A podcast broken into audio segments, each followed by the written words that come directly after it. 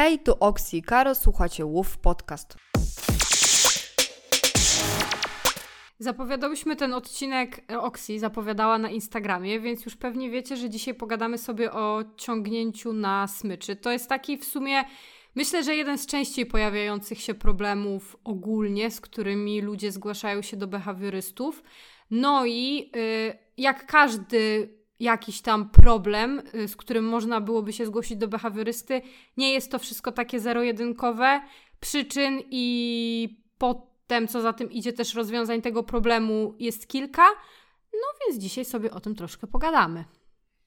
No i zaczniemy, y, zaczniemy, Zaczniemy. sobie od y, psiego etogramu, a właściwie no, głównie y, o tym, co jest związane stricte z problemem ciągnięcia na smyczy, czyli tempo chodzenia psa. Pieski chodzą na czterech łapkach, w związku z czym też chodzą ogólnie szybciej od ludzi i to, co nam się wydaje być problemem, że pies ciągnie na smyczy, może, choć oczywiście nie musi wynikać wyłącznie z tego, że pies po prostu chodzi szybciej. E, może być też tak, że pies ciągnie na smyczy, bo e, na przykład frustruje się tym, że musi iść prosto chodnikiem, że nie dajemy mu e, możliwości e, wyboru jakby tych kierunków swoich, tak? Mam na myśli tutaj to, że my ludzie chodzimy po prostu prosto. Wchodzimy na chodnik, no i sobie idziemy. Pies jednak w swoim etogramie właśnie ma takie chodzenie trochę zegzakowate, czyli raz pójdzie w prawo, raz w lewo, raz gdzieś zawróci, yy, cofnie się, zrobi kółeczko, pójdzie trochę yy, bardziej do przodu, szybciej, potem przejdzie się kawałek wolniej, dlatego że yy, też to jego tempo może wynikać z takiej po prostu chęci zbierania jakichś zapachów i w jednym miejscu tych zapachów będzie więcej, w jednym miejscu tych zapachów będzie mniej, w związku z czym pies też y, będzie to tempo pod siebie dostosowywał.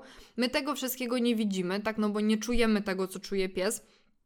W związku z czym też y, no, możemy błędnie odbierać y, sam problem. Czyli w momencie, w którym dla nas ludzi jest to jakiś problem behawioralny, to co już właściwie z Karo wspominałyśmy y, przy okazji jakichś poprzednich odcinków, w sumie to nie raz, że to co dla nas jest problemem behawioralnym, e, jest to po prostu natura psia.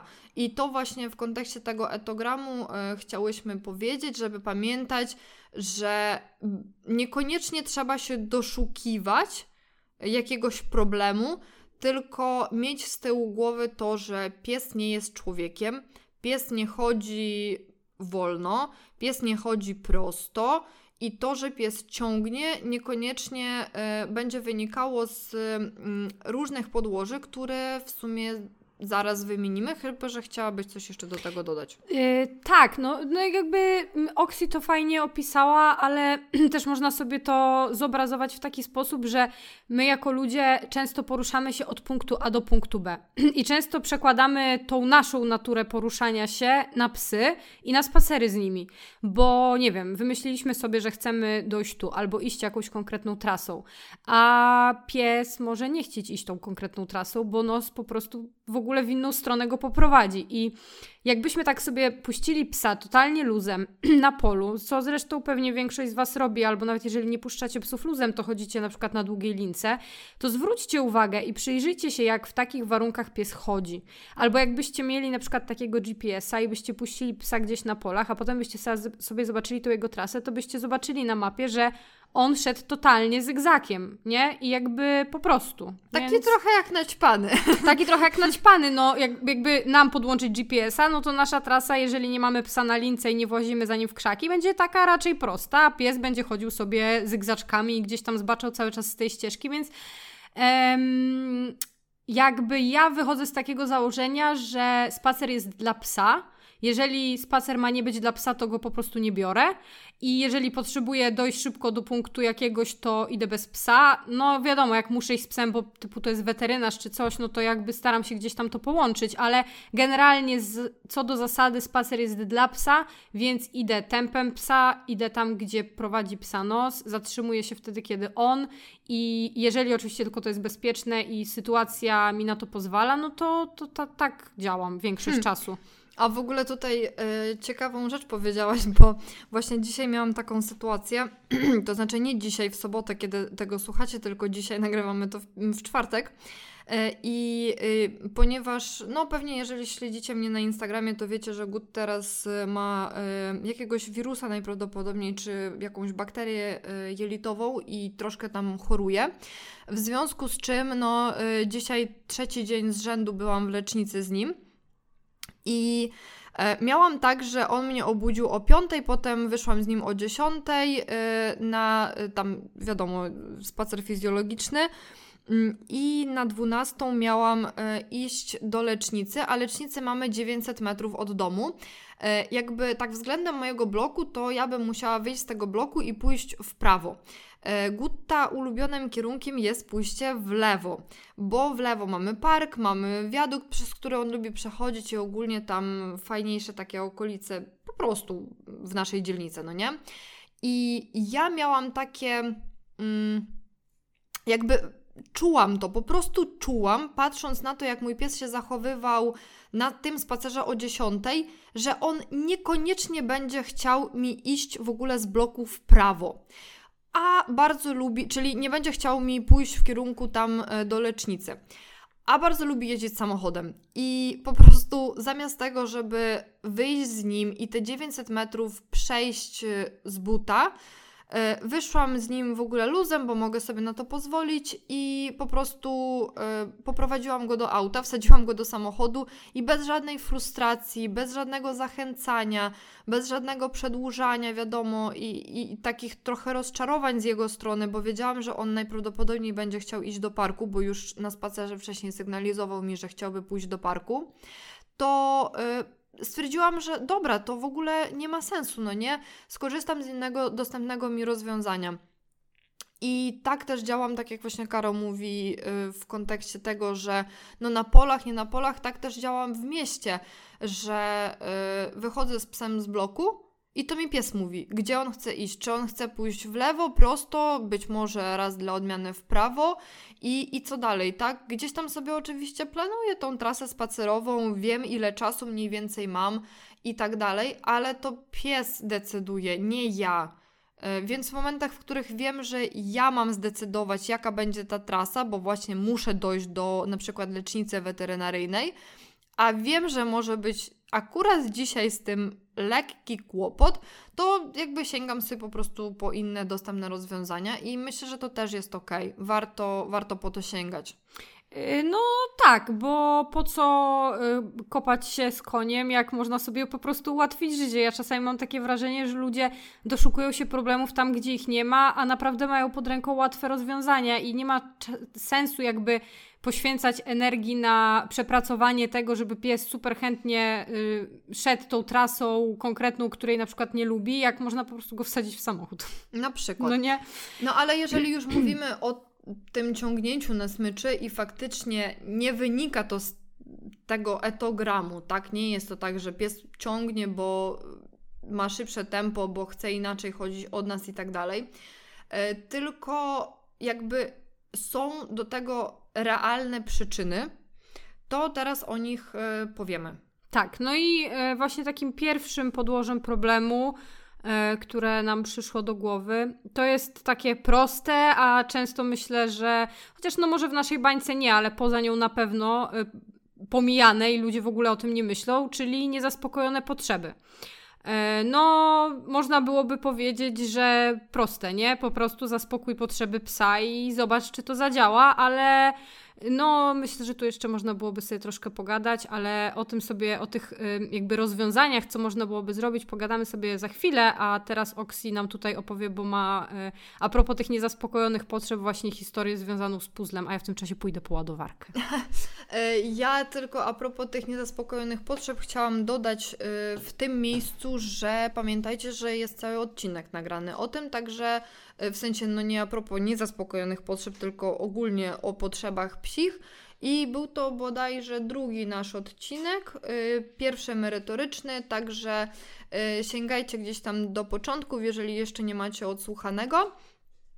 A a propos tych, no jakby zaspokojonych potrzeb, ale tak trochę to jest pomiędzy niezaspokojonymi potrzebami historyjka, a a propos mm, takiego nadmiaru mm, emocji pozytywnych, y, które psu się kojarzą z miejscem, do którego chce dojść, czyli będzie to kolejne podło podłoże, które będziemy chciały wymienić. E, a mam tutaj mianowicie na myśli mojego puzla, który jak wychodzi ze mną na spacer e, i idzie w kierunku parku, znaczy jakby już tak zbliża się do tego parku, to zaczyna ciągnąć jak szalony, no nie? I ja wtedy mam takie mm, takie uczucie, że jakby, po, po, pierwsze tak, wiem z czego to wynika, tak, no bo e, powiedzmy sobie szczerze i pewnie to e, daliście radę zaobserwować na moim Instagramie, e, jeżeli mnie obserwujecie, to, to to, że ja z puzzlem no jakby nie spędzam czasu tyle, ile na przykład Karo spędza z Mastanem, albo tyle, ile ja spędzam z Gutem, albo y, jak no mi przychodzą do głowy opiekunowie, którzy mają dwa psy, ale jakby tak totalnie równomiernie tymi psami się opiekują, tak? Ja się opiekuję głównie gutem, ale puzelkowi też staram się poświęcać czas. Natomiast jakby podstawą opieki nad puzzlem jest mój mąż, no nie? Więc y, jeżeli założymy, a tak właśnie jest, że dla puzzla bardzo ważne jest spędzanie czasu ze mną, Dlatego też staram się mu coraz więcej tego czasu gdzieś tam wygospodarować z doby, która niestety nie ma 48 godzin. Dlaczego?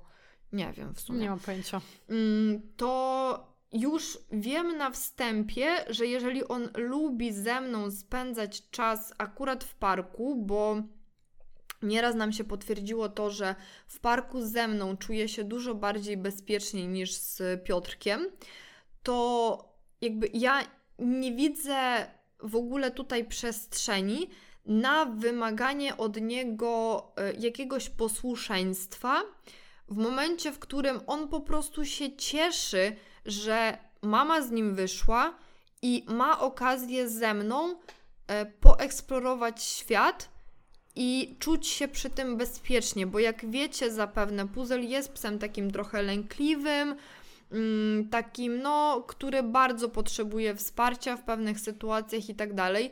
I ja mam lepsze wyczucie, jak w którym momencie wesprzeć, kiedy dać mu bardziej, mimo wszystko, taką samostanowczość, tak, żeby on mógł podjąć własne decyzje, kiedy pozwolić mu na interakcję z jakimś psem, a kiedy go z takiej interakcji zabrać i tak dalej. Więc no ja mam jednak dużo większy wachlarz, co jest w sumie też logiczne, tak? No bo Piotrek jest opiekunem, yy, a ja jestem powiedzmy już prawie zawodowym behawiorystą, tak? Więc no tyle czasu, ile ja poświęcam na edukację, siłą rzeczy daje mi dużo więcej narzędzi.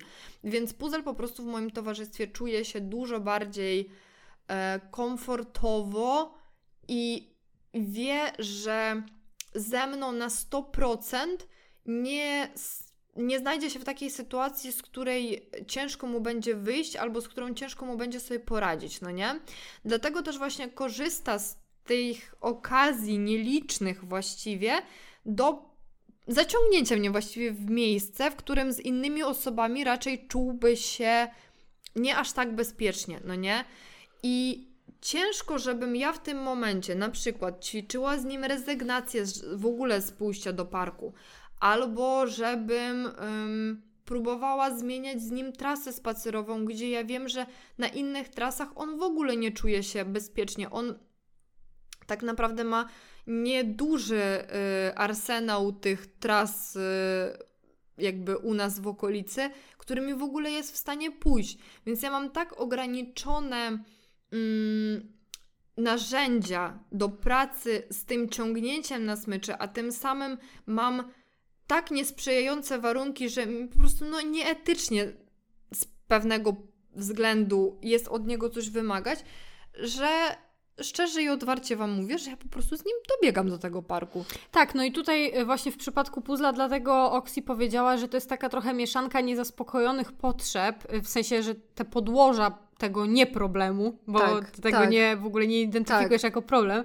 Więc podłoże tego nie problemu wynikają z jednej strony z niezaspokojonych potrzeb, no bo po prostu nie ma tak super często okazji być z tobą w tym parku, a z drugiej strony z nadmiaru takich emocji pozytywnych. No i to jest jakby zupełnie oczywiste, no bo czuję się tam bezpiecznie, chcę tam z tobą spędzać czas, ale więc w tej konkretnej sytuacji, dlatego widzicie znowu, to nie jest takie zero-jedynkowe, bo z kolei znowu w sytuacji, gdzie przyczyną y, ciągnięcia na smyczy jest ten nadmiar pozytywnych emocji, no to tak naprawdę można powiedzieć, że właściwie to jest jedyny obszar. Yy, do pracy takiej czysto treningowej. W sensie, jeżeli tylko jeżeli podłożem jest ten, w naszej ocenie oczywiście, że tylko jeżeli podłożem jest właśnie nadmiar tych pozytywnych emocji, to my możemy tutaj wejść z jakimś treningiem. I o tym znowu pogadamy sobie później, ale na przykład tutaj podam przykład sytuacji, gdzie znowu mamy do czynienia z nadmiarem pozytywnych emocji i ja nie widzę mimo wszystko obszaru tutaj do pracy treningowej. Ja osobiście nie widzę.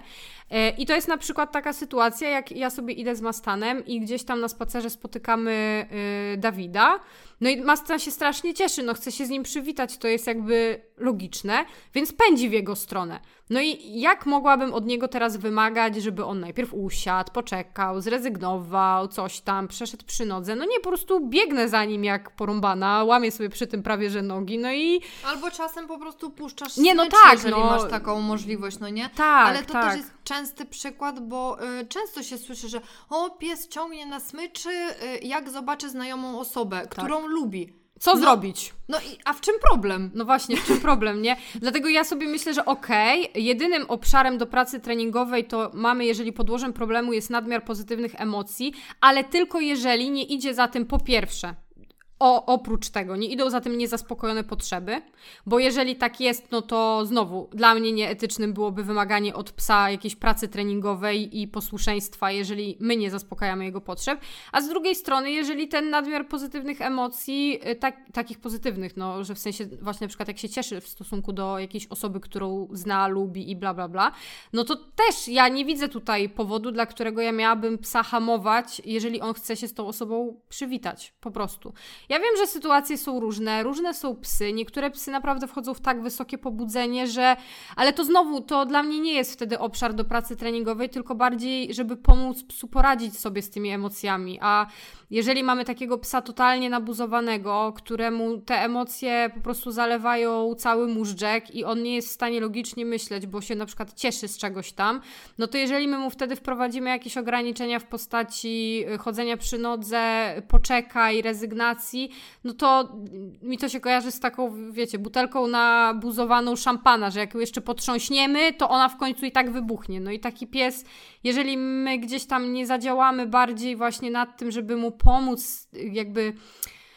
Bardziej behawioralnie, a nie Tak, bardziej behawioralnie, to ten pies może i będzie w stanie przejść trzy kroki przy nodze, ale jak tylko usłyszy okejkę, to poleci jeszcze bardziej nabuzowany. I papa bark. I papa bark, więc e, no, to, to tak. E, no i słuchajcie, i tak naprawdę kolejną taką, takim podłożem, e, przyczyną ciągnięcia na smyczy, może być znowu taka, no prosta, można byłoby powiedzieć, rzecz, a niestety jakby chyba nie jest taka prosta, bo wciąż widuję takie obrazki, że za krótka smycz po prostu, nie? I bardzo często spotykam psy na smyczy 1,20 m albo i nawet takiej, że one nawet nie są, nawet jakby chciały, to nie są w stanie w ogóle odejść od nogi swojego człowieka, bo mają tak krótką smycz. No i jak ten pies ma nie ciągnąć, jeżeli on nawet nie jest w stanie załatwić swoich potrzeb fizjologicznych? Bo jeżeli jeszcze do tego taki człowiek idzie i się w ogóle nawet nie zatrzyma, e, no to no. Ja myślę, że taka długość smyczy po prostu powinna być zakazana i może ktoś powie, że nie wiem, do knajpy wygodnie czy coś, e, no to można smycz dłuższą po prostu skrócić, na przykład smycze przepinane są super. Tak. Bo wtedy do takich ma się jednak mimo wszystko te powiedzmy 3-4 metry, 5-metrowe też smycze są przepinane. Można sobie w dzisiejszych czasach wszystko zamówić, co tylko się zechce właściwie na zamówienie. Tak. I potem w takim miejscu ją po prostu sobie skrócić do długości, jaka jest nam potrzebna typu, e, nie wiem, w knajpie, w lecznicy, właśnie w poczekalni, czy nie wiem, w komunikacji miejskiej, ale no tak, no na spacer, krótka smycz, no. No ja często dostaję pytanie, jakie ja mam smycze na spacery, no i ja już chyba myślę, że o tym pisałam na Instagramie wielokrotnie i ja na spacery miejskie mam tylko pięciometrową smycz, dlatego że mi nie przeszkadza, że ja muszę ją sobie ręcznie zwijać, nie przeszkadza mi, że mam potem brudne ręce, trudno, naprawdę mi to nie przeszkadza, aczkolwiek rozumiem, że komuś to może przeszkadzać, więc tak jak powiedziała Oksi, są inne rozwiązania, wszystko można w dzisiejszych czasach zamówić. A tak. na spacery takie, gdzie nie jesteśmy po mieście, no to mamy 15-metrową linkę i znaczy dla mnie to jest y, taka no podstawa, a takie minimum totalne smyczy po mieście, to znaczy krócej, krócej niż 3 metry, to w ogóle sobie tego nie wyobrażam. No ja mam 3 metry i właśnie, no tak jak mówisz, że tam y, zwijać, nie zwijać, to ja jakby, ja daję psu krócej, ale ja łażę z nim wszędzie. No, po krzakach, no. po trawach, mam buty w głównie i tak dalej. I jakby coś za no. coś, no nie, no mam też pięciometrowe smyczy i jak wezmę pięciometrową, to mam pięciometrową, a i tak łażę z tym psem wszędzie i tak, więc w sumie to wszystko jedno, szczerze mówiąc.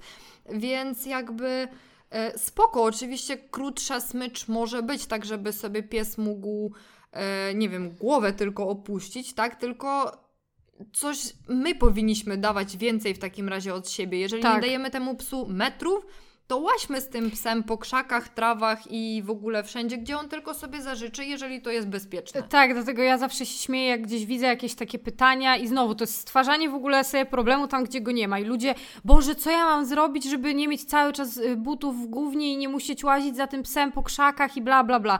No słuchajcie, yy, proste rozwiązanie. Jedne buty spacerowe. Ja mam takie buty, w których chodzę tylko na spacer i one są wiecznie uwalone w głównie i trudno, no jakby... Niestety nie żyjemy w rzeczywistości, w której kupy sprzątają tak, wszyscy. Tak, więc no trzeba sobie radzić po prostu, ale wymaganie od psa, że on nie będzie chodził po krzakach, bo my nie chcemy mieć brudnych butów, no to hmm, no, no tak słabo. Ja chyba opowiadałam tą historię, jak stały moje buty pod drzwiami i sąsiadka je wywaliła. Tak. Nie pamiętam, czy opowiadałam to, bo tobie to na pewno, ale nie pamiętam, czy na podcaście. Jeżeli nie opowiadałam, to weźcie tam gdzieś, napiszcie to przy kolejnej okazji opowiem. Ale była taka sytuacja, że sąsiadka mi wywaliła buty i no. no, więc jakby y, jak ktoś mnie pyta, co zrobić, jak mój pies cały czas łazi po krzakach i ja muszę latać za nim, to mówię albo długa linka, jeżeli i tak się plącze i tak musisz w te krzaki włazić, to kup se buty jedne takie na spacer, które będziesz mogła zniszczyć na tym spacerze i się nie przejmować w ogóle takimi rzeczami. No, wzięliśmy sobie psy, kurcze, inny gatunek, który ma jakieś potrzeby i wymagamy od nich tak strasznie dużo, żeby te psy w tych warunkach miejskich takie były idealne i posłuszne i najlepiej to w ogóle tylko chodziły przy nodze, nie oddychały, nie szczekały nie sikały, nie srały. Sorry, no ale no taka jest prawda, nie? No i wymagamy tak dużo od tych psów, a nie rozumiemy, że my wzięliśmy sobie pod dach inny gatunek, więc jakby no nie możemy wymagać od tych psów, że one będą chodziły tak jak w zegarku i tak jak my sobie tego życzymy.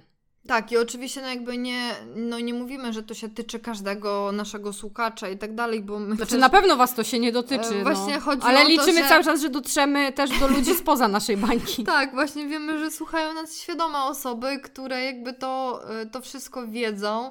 E, ale też no, wiemy, że skoro jest taka potrzeba, bo sami prosiliście o ten temat, to, to jednak ktoś chce dowiedzieć się coś więcej. E, na ten temat i właśnie co, co o tym myślimy, więc właśnie to myślimy.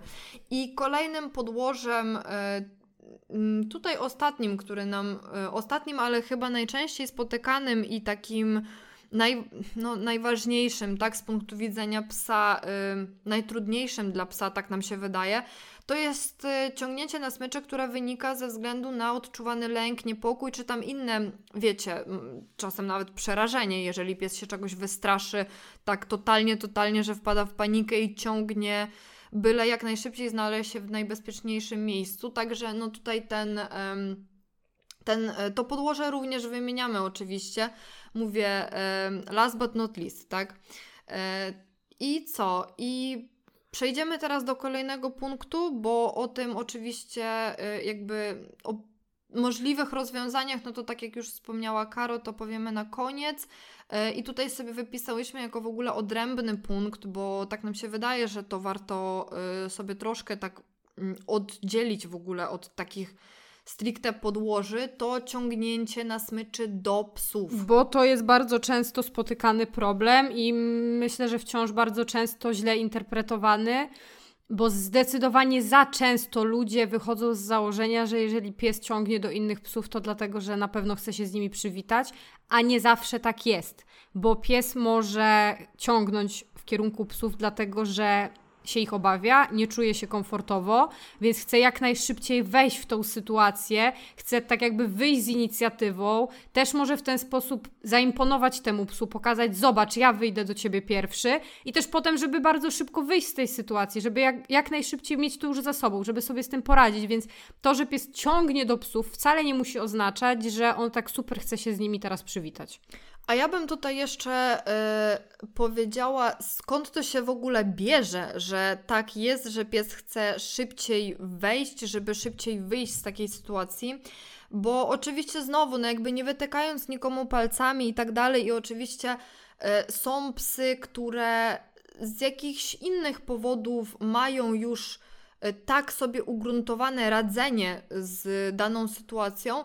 Natomiast tak myślę, że większość psów, które mieszkają w warunkach miejskich od początku, tak, czyli nie wiem, y, bierzemy sobie szczeniaczka albo adoptujemy pieska y, już dorosłego i tak dalej, no i ten piesek trafia do miasta. I znowu, co robimy my ludzie? Chodzimy chodnikami. Coraz więcej na szczęście widuję ludzi, którzy łażą z psami trawnikiem.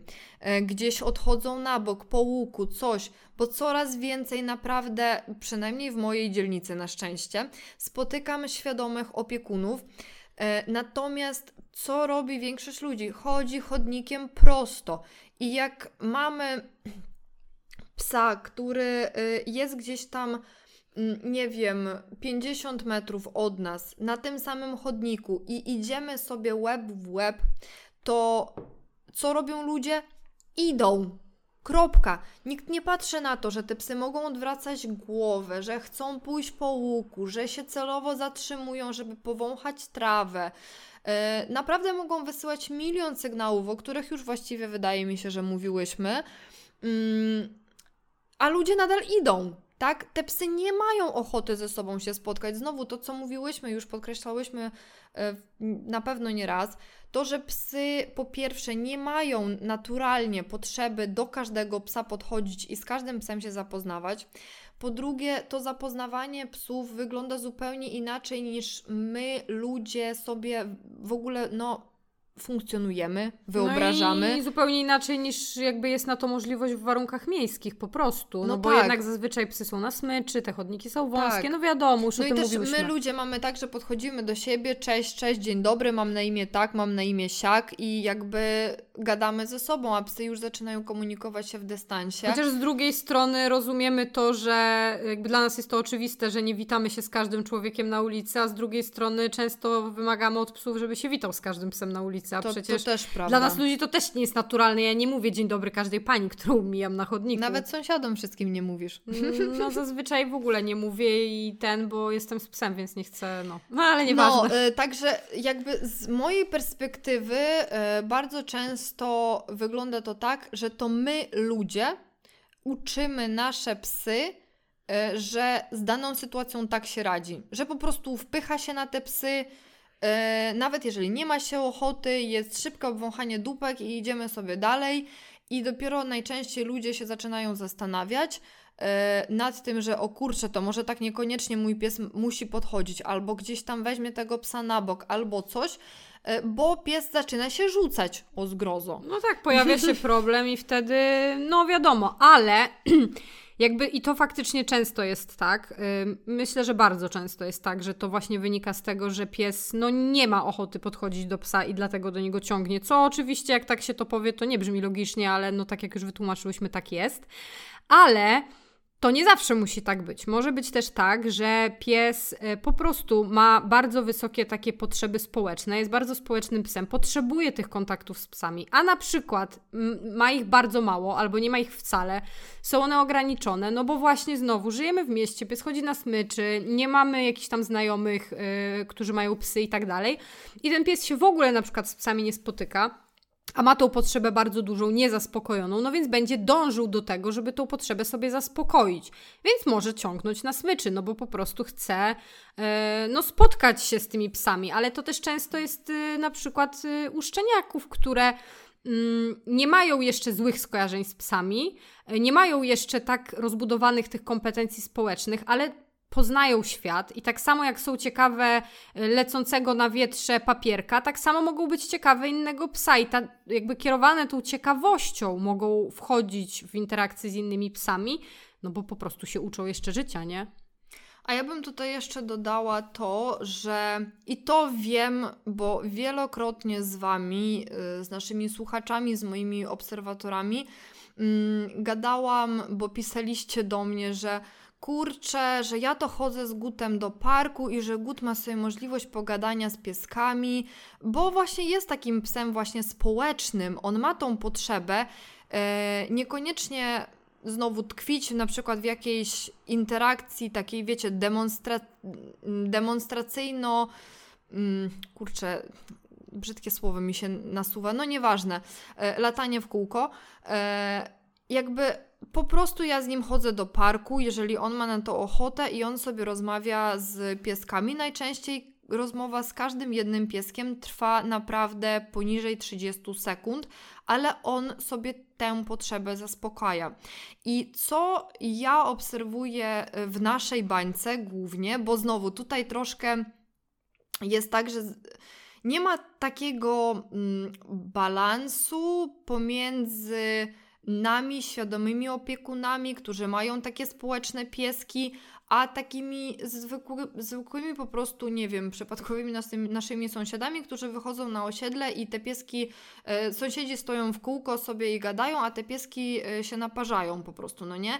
Nie ma bardzo często obserwuję taki brak balansu. Co mam na myśli? Mam na myśli to, że właśnie ja udostępniam swojemu psu taką możliwość pogawędek, bo wiem, że on sobie to potrzebuje i te pogawędki są zdrowe, nawet jeżeli jest element demonstracji, nawet jeżeli psy sobie wyznaczają jakieś granice, ale jest to wszystko tak zdrowe, bo trwa to chwilkę, wszystkie psy czują się jakby dobrze, wszystkie psy są luzem, bo nie pozwalam podchodzić do psów na smyczy i tak dalej, żeby też te. Mm, warunki były jakby wyrównane, tak? E, warunki? Nie. No, żeby psy miały równe szanse. Równe no. szanse, tak, dokładnie.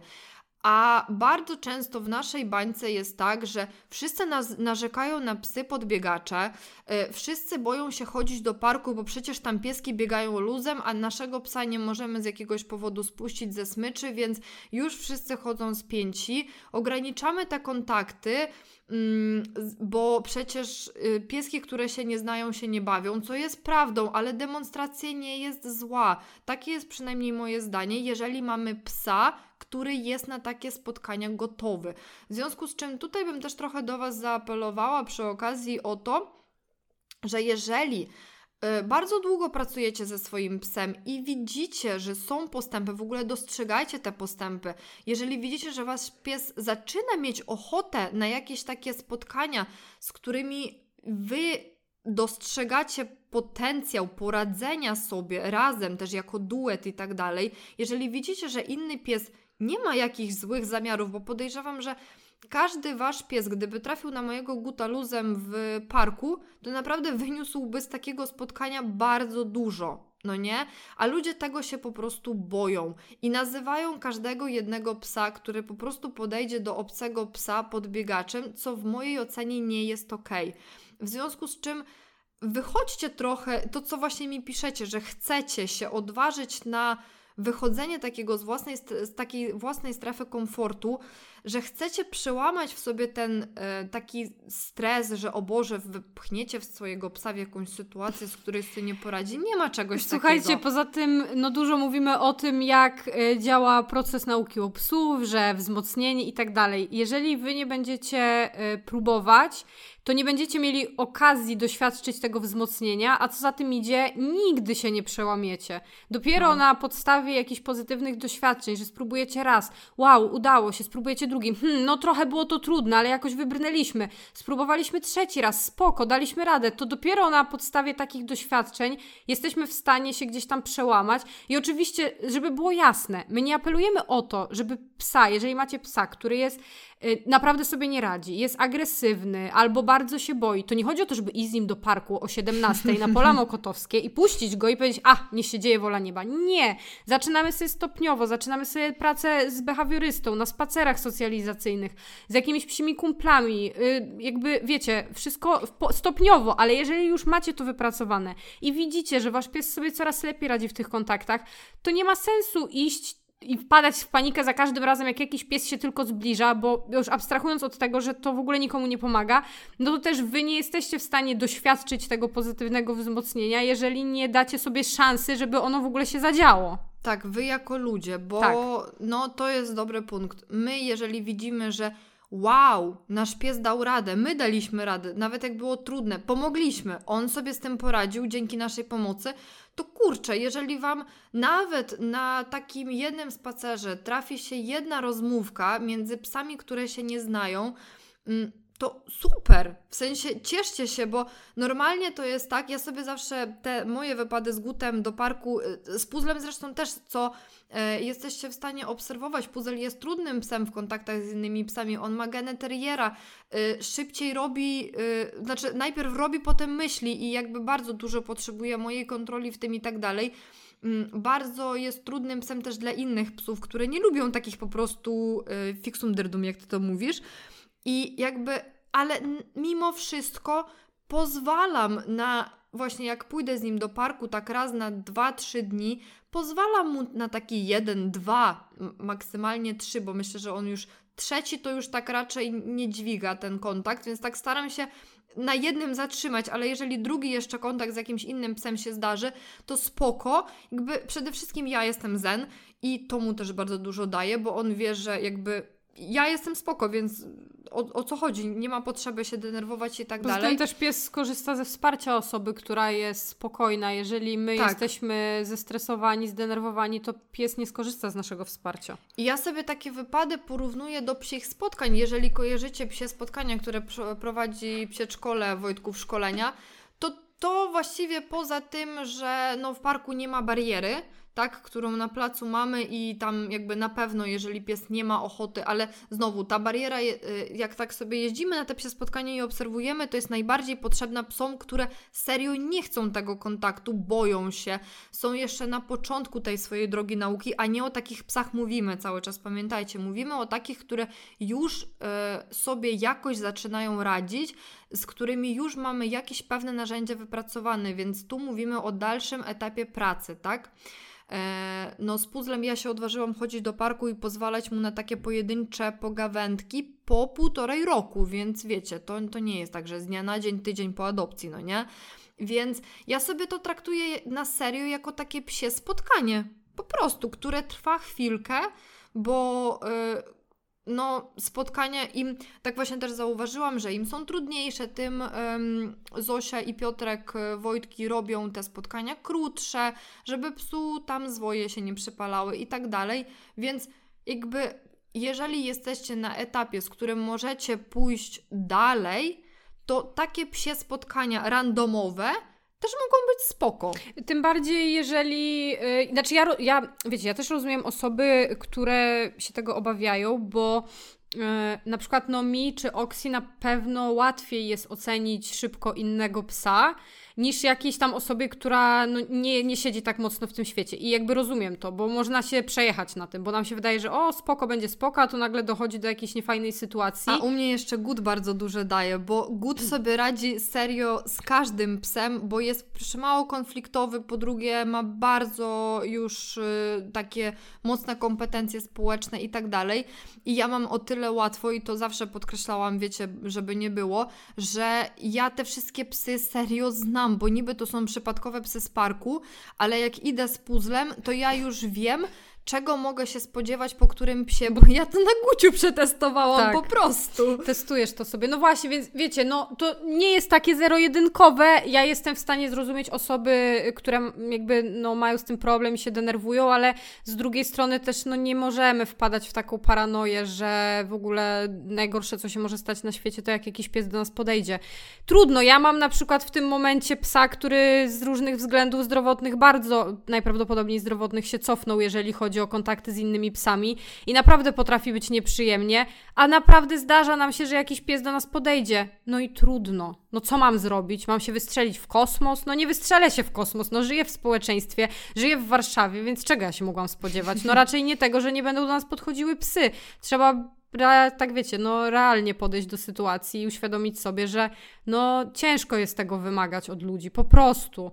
I też właśnie to, że ja strasznie nie lubię tego, że nadużywane jest y, określenie podbiegacz. Nie każdy pies, który do nas podchodzi, to podbiegacz. No mój gut to jest pewnie z jakieś pięć razy na każdym spacerze w parku podbiegaczem. tak szczerze mówiąc. No nie jest właśnie, no. No, No, w właśnie nie sensie w opinii większości ludzi z naszej bańki byłby podbiegaczem. E, Bo po prostu podchodzi do bo psa. podchodzi do psów. e, Które, dobra, fakt faktem, no te psy sobie też chodzą luzem po tym parku, ale jakby przyjęło się, że Boże drogi, te psy to w ogóle muszą się mijać po łuku i broń Boże. No nie. Nie muszą, nie wszystkie. nie Y, muszą. Są psy, które po prostu chcą wchodzić ze sobą w interakcję. Naprawdę, uwierzcie mi, są obce psy, które mogą chcieć się zapoznać. Mogą Wow. chcieć się zapoznać, ale że po prostu no, nie będą się bawić przy pierwszym spotkaniu. No to jest oczywiście. prawda, bo w większości tak się nie dzieje. Ale to, że Ale- interakcja nie jest zabawą, nie znaczy, że jest zła. Tak, dokładnie. Dobra, w ogóle to jest Tak, e, tak, jak ciągnięcie zwykle. na smyczy, tak. Tak, temat ciągnięcia na smyczy, to jest po prostu Psy klasyk. bez smyczy latają po parku, my Mhm, tutaj sobie mhm. tak gadamy, fajnie, fajnie. Tak, więc Wracają. teraz. Y, a, no i tutaj jeszcze do tego ciągnięcia do psów miałyśmy, że może być też tak, że pies ciągnie do psa, którego bardzo dobrze zna, lubi, dobrze się przy nim czuje i po prostu chce się przywitać. I często. To tak samo jak do Dawida, jak Mastan, to co Tak. opowiadasz, to jest ta sama sytuacja. Ja na przykład jak, nie wiem, y, podjeżdżamy do Astona czy coś, to ja po prostu puszczam linkę, bo wiem, że on chce się przywitać. Czy jak my się spotykałyśmy z Gutem czy coś, no to też puszczamy linki, bo Tak. po prostu nie ma sensu walczyć z wiatrakami. Oni się, nie wiem, lubią, więc chcą do siebie po prostu podejść i jak najszybciej się przywitać. No ale to już tak, tak. Tak. abstrahując trochę, bo to, no ja tego w ogóle nie zaliczam do problemu. No ale dobra, przejdziemy teraz szybko, tak inaczej, przez narzędzia, jakie często są wykorzystywane. E, bo y, to oczywiście już mówiłyśmy w odcinku awersji, nie będziemy się tutaj o- powtarzać, no ale jakby to jest temat ciągnięcia na smyczy, a wiadomo, że e, niestety wciąż często wykorzystywanymi narzędziami przy tym problemie są e, albo te szelki Easy Walki, e, które mają takie kółeczko z przodu zapinane, albo kantary, kolczatki i no to już co o tym myślimy, to wszystko powiedziałyśmy w tych dwóch poprzednich odcinkach o awersji, więc jeżeli jesteście ciekawi, a jeszcze nie słuchaliście, no to tam odsyłamy. Tak. E, No i teraz e, tutaj metoda ogólnie już tak po, poza narzędziami, e, to bardzo często stosowana metoda nadal i pewnie ta metoda będzie stosowana, choć ona jest nieskuteczna, e, raczej tak w naszej ocenie. Znaczy ja wiem, wierzę, że y, są wyjątki potwierdzające tylko tą regułę i może gdzieś komuś kiedyś to zadziałało, ale generalnie y, uznaje się już, że ta metoda na drzewko, no Właśnie po prostu się tak. jej nie stosuje. Mówimy o metodzie na drzewko i chodzi o to, że jak pies ciągnie do przodu, to my się zatrzymujemy, Albo nawet zawracamy w drugą Albo stronę. nawet zawracamy w drugą stronę i jakby znowu powtórka z rozrywki, czyli czekamy aż pies nie będzie ciągnął, idziemy z nim, jak tylko zaczyna ciągnąć, znowu to samo i tak w kółko, Gdzieś na w jakiejś grupie czytałam, że jakaś dziewczyna napisała, no wszystko fajnie, tylko nasz spacer, y, w, nie wiem, w godzinę czasu przechodzimy 100 metrów, bo cały czas musimy stać, bo ten pies i tak cały czas ciągnie, więc no to jest właśnie poziom skuteczności tej metody. Tak, ja myślę, że i w ogóle tak się zastanawiam bardzo y, nasze ulubione określenie, że wyuczona bezradność. Pewnie psy, które y, dzięki tej cudownej metodzie zaczynają chodzić y, na smyczy luźnej, to są po prostu psy zrezygnowane i to się pojawia wyuczona bezradność, a nie nauka, że faktycznie ten pies czuje się tak świetnie na tej smyczy. Szczególnie jeżeli to ciągnięcie na smyczy wynikało z lęku, co dla mnie w ogóle stosowanie tej metody, jeżeli pies się boi, chce jak najszybciej i odejść z miejsca, w którym nie czuje się bezpiecznie, to stosowanie tej metody jest tak samo nieetyczne jak, no może nie tak samo, ale no po prostu jest nieetyczne, bardzo nieetyczne, tak. no i, i jakby... Nie, nie jest okej, okay, o może tak. Yy, tak, tak, tak, tak, no. bo zresztą to już też mówiłyśmy, że dla nas jakby clue jest to, żeby psu pokazać, co ma robić, a nie pokazywać mu, czego ma nie robić i nie blokować tych zachowań. W sensie, no jeżeli my chcemy nauczyć psa chodzenia na smyczy, to naprawdę są inne dostępne metody, w których możemy, jeżeli oczywiście to nie wynika z lęku i tak dalej, w których możemy pokazać psu, jak może się zachować, żeby osiągnąć swój cel, a niekoniecznie zatrzymywać się i go tylko frustrować. Ale w ogóle też zobaczcie, bo z punktu widzenia takiego, takiej organizacji treningu, to na czym nam zależy, jak ogólnie uczymy psa jakiejkolwiek umiejętności. To zaplanowanie tego treningu w taki sposób, żeby pies popełniał jak najmniej błędów, czyli żeby ta cała sesja była jak najbardziej czytelna, że możemy sobie wykorzystywać jakieś podpowiedzi ze środowiska, jakieś umiejętności inne, które pies już zna, czyli dążymy do tego, żeby pies popełniał jak najmniej błędów, ani je ciągle generował. Tak, no nie, a, a w metodzie na drzewko, no to polega cały na czas tym, pies że... popełnia błędy. Dokładnie, no ty, tylko to robi i żadnych sukcesów, no nie? Jest zero podpowiedzi od nas, poza tym, że się zatrzymujemy, ale tak naprawdę moment, do, moment y, kiedy pies jeszcze nie wie o co nam chodzi, to jest dla niego żadna podpowiedź, bo to, że my stoimy, to jakby to, że pies nie szczeka, bo po prostu jest psem właśnie na przykład takim mastanem, mm, ta, takim mastanem, to to nie oznacza, że się super z tym czuje i że to rozumie. No kurde, nie. Więc po prostu ta metoda na drzewko, szczerze, to mnie do białej gorączki doprowadza, Jezu, mnie też, myślę. Mnie też, a w ogóle ostatnio widziałam na spacerze właśnie babkę, która szła z psem i to jeszcze na jakiejś takiej półzaciskówce, coś tam w ogóle takiej, że jeszcze to tego psa trochę podduszało i w ogóle i ona się tak zatrzymywała i szła, i zatrzymywała, i szła. I ten pies ciągnął i znowu się zatrzymywała. I tak w kółko. I ja mówię, Jezus Maria. Naprawdę, tak strasznie rzadko potrafimy postawić się na miejscu psa. Weźcie sobie, wyobraźcie, że jakiś stwór, który nie mówi w waszym języku, każe wam, y, jakby nie tłumacząc wam, jak macie to zrobić, y, zatrzymuje się za każdym razem, jak wy pociągniecie, a ciągniecie, bo na przykład się czegoś boicie. No kurde. Ej, w ogóle to ja myślę, że jest jedna rzecz, której nie powiedziałyśmy, a w sumie jest dosyć y, istotna z punktu widzenia w ogóle takiej empatii do psów. Pies to jest jedyne tak naprawdę, jedyna istota, która chodzi na sznurku w połączeniu z inną istotą. No, to jest w ogóle przerażające, jak człowiek sobie to uświadomi. To weźmy sobie, wymyślmy, no, pomyślmy, że jakby nas, ludzi, ktoś by zapiął... Ej, no nie, w sumie konie też chodzą. Konie, ale... to, konie to mają jeszcze bardziej przerąbane tak, niż psy no... w ogóle, ale to inny temat. Nie, nie jest o no koniach no tak. ten podcast, ale tak. konie mają jeszcze bardziej przerąbane. No dobra, okej, okay. nie jedyna istota, ale jedna z nielicznych. No bo można by też powiedzieć, że nie wiem, słonie w Tajlandii też, ale to są zwierzęta, które tak naprawdę są męczone przez całe swoje życie, a chyba nie o to chodzi, no nie? Mm, no na pewno nie o to może, chodzi. Może właśnie, może tak jakby na to spojrzeć, no to chodzimy z psem na smyczy nie po to, żeby go męczyć, tylko po to, żeby, zapewnić, żeby mu zapewnić bezpieczeństwo. I mm. przy tym zaspokoić jego potrzeby. Tak. E, więc no jakby, jakbyśmy miały spojrzeć właśnie na takie konie, bo konie nie, nie chodzą na smyczy po to, żeby zapewnić ich bezpieczeństwo. Ale znowu, no nie jest to podcast o koniach, ja się w ogóle na koniach nie znam, ty się znasz, no ale, ale to nie jest podcast o koniach. To, tak.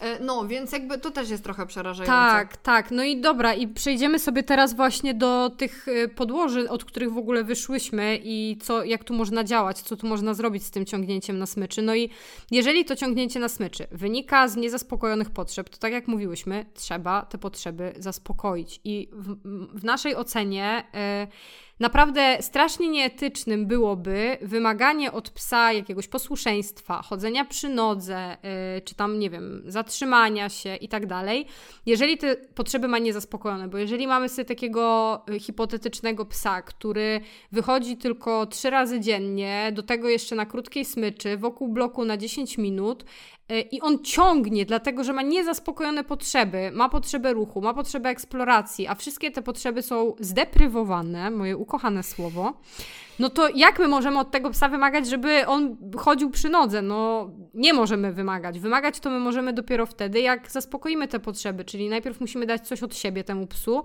Jeżeli my jesteśmy fair wobec tego psa, to dopiero wtedy możemy zacząć wymagać i też znowu wymagać rzeczy, których go nauczyliśmy. No nie możemy wymagać czegoś, czego nie nauczyliśmy, więc y, no to jest taka Pierwsza rzecz. A w ogóle też zacznijmy od tego, to co już y, mówiłyśmy przy tych y, y, przy podcaście o potrzebach, to często samo zaspokojenie potrzeb już wystarczy. Już wystarczy. Nie, nie będziemy musieli nawet potem wymagać to, co powiedziałaś, tylko tak. jakby zaspokoimy potrzeby i nagle, o proszę bardzo, pies nie ciągnie na smyczy. Tak, cud. No jakoś y, ja mam jednego, co prawda psa ma zaspokojone potrzeby, nie ciągnie na smyczy. Ty masz dwa, no poza tą sytuacją z parkiem i z puzzlem, co w ogóle tutaj tego nie liczymy, bo to jest zupełnie inna sytuacja, to nasze psy nie ciągną na smyczy. Po prostu. Może gdyby miały niezaspokojone, pewnie gdyby miały niezaspo... tak no. naprawdę niezaspokojone potrzeby, to pewnie by zaczęły ciągnąć. No, no. Tak. No i jakby kolejne to podłoże problemu, czyli nadmiar tych pozytywnych emocji. No i znowu, tak jak mówiłyśmy, dla nas to jest jedyna, ta, jedyna taka sytuacja, i to też nie zawsze, w której my możemy tutaj wejść treningowo bo e, jeżeli pies ciągnie, bo po prostu bardzo chce dojść do parku, w którym zawsze jest fajnie, bawi się, coś tam, bla, bla, bla, chodzi bez smyczy i chce tam dojść szybko, bo tam się dzieją fajne rzeczy, no to tutaj można oczywiście działać treningowo. No i wiadomo, pierwsza taka rzecz, no to chodzenie przy nodze, E, I gdzieś tam oczywiście to też nie tak, że my nagle wymagamy od psa, żeby on nam pięknie chodził przy nodze idąc do parku od razu, tylko uczymy tego najpierw w innych warunkach i stopniowo, stopniowo zwiększamy trudność i gdzieś tam podnosimy tą poprzeczkę. Więc no na pewno to chodzenie przy nodze to jest takie no pierwsze, co można byłoby powiedzieć ale też yy, złamanie schematu często się sprawdza, ale znowu, czyli to złamanie schematu mamy na myśli na przykład zmianę trasy dojścia do tego parku, ale to też niekoniecznie, dlatego że pies bardzo szybko może nauczyć się, że ok, teraz idziemy inną trasą do tego parku, więc tą inną trasą będę ciągnął. O Jezu, jak ma się takiego guta jak ja mam, że on raz, szybko łapie takie ale rzeczy. Ale ty obczaj, że jak ja wychodziłam do kina i założyłam koszulę, bo y, wiecie, no Gut ma problem separacyjny, więc tutaj po prostu ten przykład złapania schematu Wam powiem na szybko, to założyłam koszulę i no wiadomo, ubrałam się już tak jakby jak iść do kina i chciałam wziąć go jeszcze na szybkie siku przed tym, jak zostanie na 3-4 godziny sam. No i mówię mu, że już się ubrałam. On myślał, że aha, dobra, zakłada inne rzeczy niż spacerowe, więc nie idę. No. A ja mu mówię, no, że chodź na spacer. I on się podjarał, ale czadersko idziemy na spacer. Kurna, trzy dni później zakładam tę samą koszulę, bo musiałam do urzędu wyskoczyć, zdjęcia zrobić. Ja już tylko po nią sięgam, a on już w blokach startowych mi siedzi pod drzwiami, ale super, idziemy na spacer. Ja tak mówię, Jezu, no, no właśnie. raz, raz się pomyliłam. Więc tak, więc jak mamy takiego psa, który bardzo szybko łapie zmianę tego schematu, no to to się po pierwsze nie sprawdza, czy to w ogóle na dłuższą metę, wiecie, to jest takie chwilowe rozwiązanie, żeby złamać ten schemat i zmienić tą trasę spacerową, bo, ale jeżeli to połączymy z innymi rzeczami, bo jeżeli to wszystko połączymy w jedną całość, no to ma to sens, jeżeli to połączymy z nauką chodzenia przy nodze, możemy też wprowadzać w tą na przykład nową trasę spacerową przystanki, podczas których dzieją się fajne rzeczy, czyli pies wie, że fajne rzeczy nie dzieją się tylko w tym parku. Na końcu. Na końcu tej trasy, tylko dzieją się też w trakcie i to w niespodziewanych momentach i on nie wie, że o, teraz będzie szarpak i tak dalej, więc jakby dzieją się fajne rzeczy w randomowych momentach dojś na, na, dojściu do parku, e, ale też po prostu możemy sobie robić takie stałe przystanki w jakichś miejscach, żeby po prostu przenieść te fajne rzeczy też w inne miejsca, po prostu. A można w ogóle przenieść fajne y, rzeczy w inne kierunki, tak jak ja Wam mówiłam, że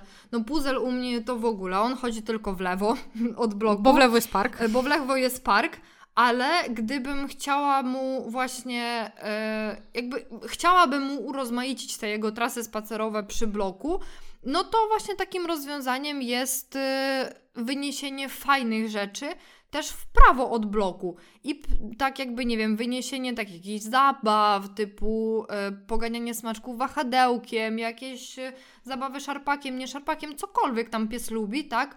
Coraz dalej, dalej od bloku, w moim przypadku w prawą stronę, a nie w lewą, no nie? No, tak, tak, więc E, więc to, to na pewno jest jakiś pomysł. No wyładowanie emocji na szarpaku, no to, to też znowu, tak? Czyli jakieś, po pierwsze, że dzieją się fajne rzeczy w, nie tylko w parku, a po drugie, że też pomagamy psu poradzić sobie z tymi emocjami. Nawet jeżeli one są pozytywne, ale bardzo silne, no to gdzieś tam pomagamy psu e, sobie z tymi emocjami poradzić. No i ostatnie, e, najtrudniejsze w mojej ocenie e, podłoże problemu ciągnięcia na smyczy, no to jest oczywiście lęk, niepokój. No i Tutaj ciężko jest podać jakieś konkrety, bo to tak bardzo zależy od wielu rzeczy, więc jakby na pewno praca z behawiorystą to jest pierwszy kierunek, w jaki powinniśmy uderzać. Mm, no i druga, no to tu mamy przykład y, tego, jak my działamy i to się sprawdziło już na wielu psach, więc yy, i to jakby na pewno nigdy nie zaszkodzi, więc to możemy powiedzieć jako taki bardziej ogólnik, czyli dawanie psu wyboru, że jakby to zawsze będzie dobry pomysł. Yy, I tak na przykład w naszym, w naszym przypadku było, że E, ja jakiś tam czas temu, już teraz, to nie wiem, z pół roku temu, nie pamiętam dokładnie, e, dodałam Mastanowi e, czwarty spacer w ciągu doby, ostatni o około 23, no bo uznałam, że pęcherz lepiej go nie nadwyrężać i trzy spacery to trochę mało, no i to jest mało, więc dodałam ten spacer o 23. No, że on generalnie ma problem z ciemnością i jakby obawia się chodzenia po ciemku, no to te spacery na początku wyglądały tak, że nie wyglądały, bo on na przykład w ogóle nie chciał wyjść z klatki, albo jeżeli wychodził, to wychodził tylko tak centralnie pod drzwi, robił szybko siku na filar i od razu zawrotka. I nigdy nie było tak, że ja go siłą przetrzymywałam na tym dworze, że dobra, dawaj, spróbujemy, tylko za każdym razem, jak on tylko chciał wracać, to od razu wracaliśmy. E, I w ten sposób doszliśmy do etapu, w którym potrafiłam z nim chodzić o 23 przez dwie godziny. Teraz mu trochę te spacery skróciłam, bo no kurczę, nie mogę tak późno wracać i jakby no mam też życie inne i pracę i wiadomo. Generalnie najpierw ty chciałaś od niego, a potem on zaczął chcieć od ciebie tak, dzięki tam, i okazało się, że jednak no stare dwie godziny o 23 łażenie między starymi blokami to tak średnio, ani to bezpieczne, ani to fajne, ani w ogóle. Może jednak róbmy te długie spacery po południu albo rano, ale no nie zmienia to faktu, że jakby taki to efekt przyniosło, że on, y, zresztą to jest bardzo prosty schemat. Pies doskonale, jeżeli pies wie, że ma wybór i w każdym momencie, kiedy tylko podejmie taką decyzję, będzie mógł wrócić, to będzie w stanie znieść więcej. To jest trochę tak jak w treningu kooperacyjnym. Jeżeli pies wie, że ma jakiś, y, że ma, mm, że będzie mógł odmówić, że ma wpływ na to, co się będzie działo, to pozwoli na więcej. Gdyby tak nie było, to psy nie pozwalałyby sobie na kooperacyjnym robić zastrzyków, a pozwalają, więc jakby to tak po prostu działa. E, więc dawanie psu wyboru na pewno jest super pomysłem i ostatnio dostałam też na Instagramie prywatną wiadomość, e, co robić w sytuacji, w której pies wpada w panikę na spacerze i jak parowóz ciągnie do domu. Czy się zatrzymać, pucnąć, tak, czy spróbować go zachęcić, czy może posiedzieć z nim w tym hałasie, którego się wystraszył, że może się przyzwyczai. Nie zasuwać za psem do domu. Nie, nie przetrzymywać że, psa tak. w panice w takiej sytuacji, że może się przyzwyczaić do tego dźwięku. I nie, że iść, tylko biec za tym psem. Tak. Jeżeli pies naprawdę leci do domu, i ja to z puzzlem też testowałam wielokrotnie, i bo zaraz po jego adopcji to było tak, on wylatywał z klatki, leciał na pierwszy trawnik i tak wyglądał każdy spacer. Leciał na najbliższy trawnik, robił siku, i tył wzrost zawrotka. Jak go przycisnęła w domu kupa, skrop skrop w drzwi, wyleciał na najbliższy trawnik, zrobił kupę i zawrotka. Dzięki temu mieliśmy bardzo dużo spacerów. Bardzo krótkich. Bardzo krótkich spacerów, ale ten czas stopniowo zaczął się wydłużać, dlatego że było tak, że on wylatywał i jak on ciągnął do domu, to ja mu nigdy nie powiedziałam, że stary, ale dlaczego ty ciągniesz? Chodź, pochodzimy sobie po Pradze. Nie, tylko po prostu pędziłam za psem do domu, koniec, kropka, nie było dyskusji i on dopiero jak sam zobaczył, że aha, to ja mogę wrócić, jeżeli chcę, to stwierdził, że aha, dobra, to sobie poniucham tutaj trawkę. Tak, a już szczególnie w sytuacji, w której pies wpadnie w panikę, bo na przykład zacznie jakieś dźwięki go wystraszą i my wyjdziemy z założenia, że dobra, przetrzymamy go w tych dźwiękach i w tej panice, bo jest tak duże ryzyko, że pies się jeszcze bardziej uwrażliwi na te dźwięki, że nie warto ryzykować. No, Naprawdę no, nie tak. warto. I lepiej po prostu zasuwać szybko do domu yy, i gdzieś tam potem stopniowo, stopniowo próbować wychodzić i, i dalej słuchać psa, co on do nas mówi. Yy, bo ale, ale w kontekście samego stricte ciągnięcia na smyczy, to jakby Lecieć za psem. lecieć za psem, zapominamy, to nie jest na ten moment problem, tak? Pies nam sygnalizuje, mam potrzebę wrócić do domu, wracam. I my nie dyskutujemy. Są momenty, w których my osobiście apelujemy o niedyskutowanie z psem. Tak, i tutaj, jeżeli właśnie chodzi o ten lęk yy, i to dawanie psu wyboru, to my w ogóle ten temat, bo tutaj wczoraj, jak ustalałyśmy sobie, jak ten odcinek ma wyglądać, to też yy, przeszło, jakby tak zaczęłyśmy lecieć w ogóle w inne tematy, że po pierwsze ten odcinek trwałby 3 godziny, po drugie w ogóle odbiegłyśmy od problemu ciągnięcia na smyczy, totalnie. I tak odbiegłyśmy parę Znaczy i razy. tak odbiegłyśmy, ale to klasyk, nikogo już to nie będzie chyba dziwiło. W każdym razie jakby dużo tutaj jest y, do poruszenia jeszcze, jeżeli chodzi o lęk, o pracę z lękiem, o wykorzystanie jedzenia, czy to robić, czy nie robić i bla bla bla. No, są te tematy nam bardzo bliskie. Tak, szczególnie, że te tematy są nam bardzo bliskie, więc na pewno w przyszłości będzie odcinek o psach lękliwych. To na, na 100% to będzie i wtedy na pewno to rozwiniemy. Także bo... dajcie znać, czy, czy będziecie czekać, bo Tak.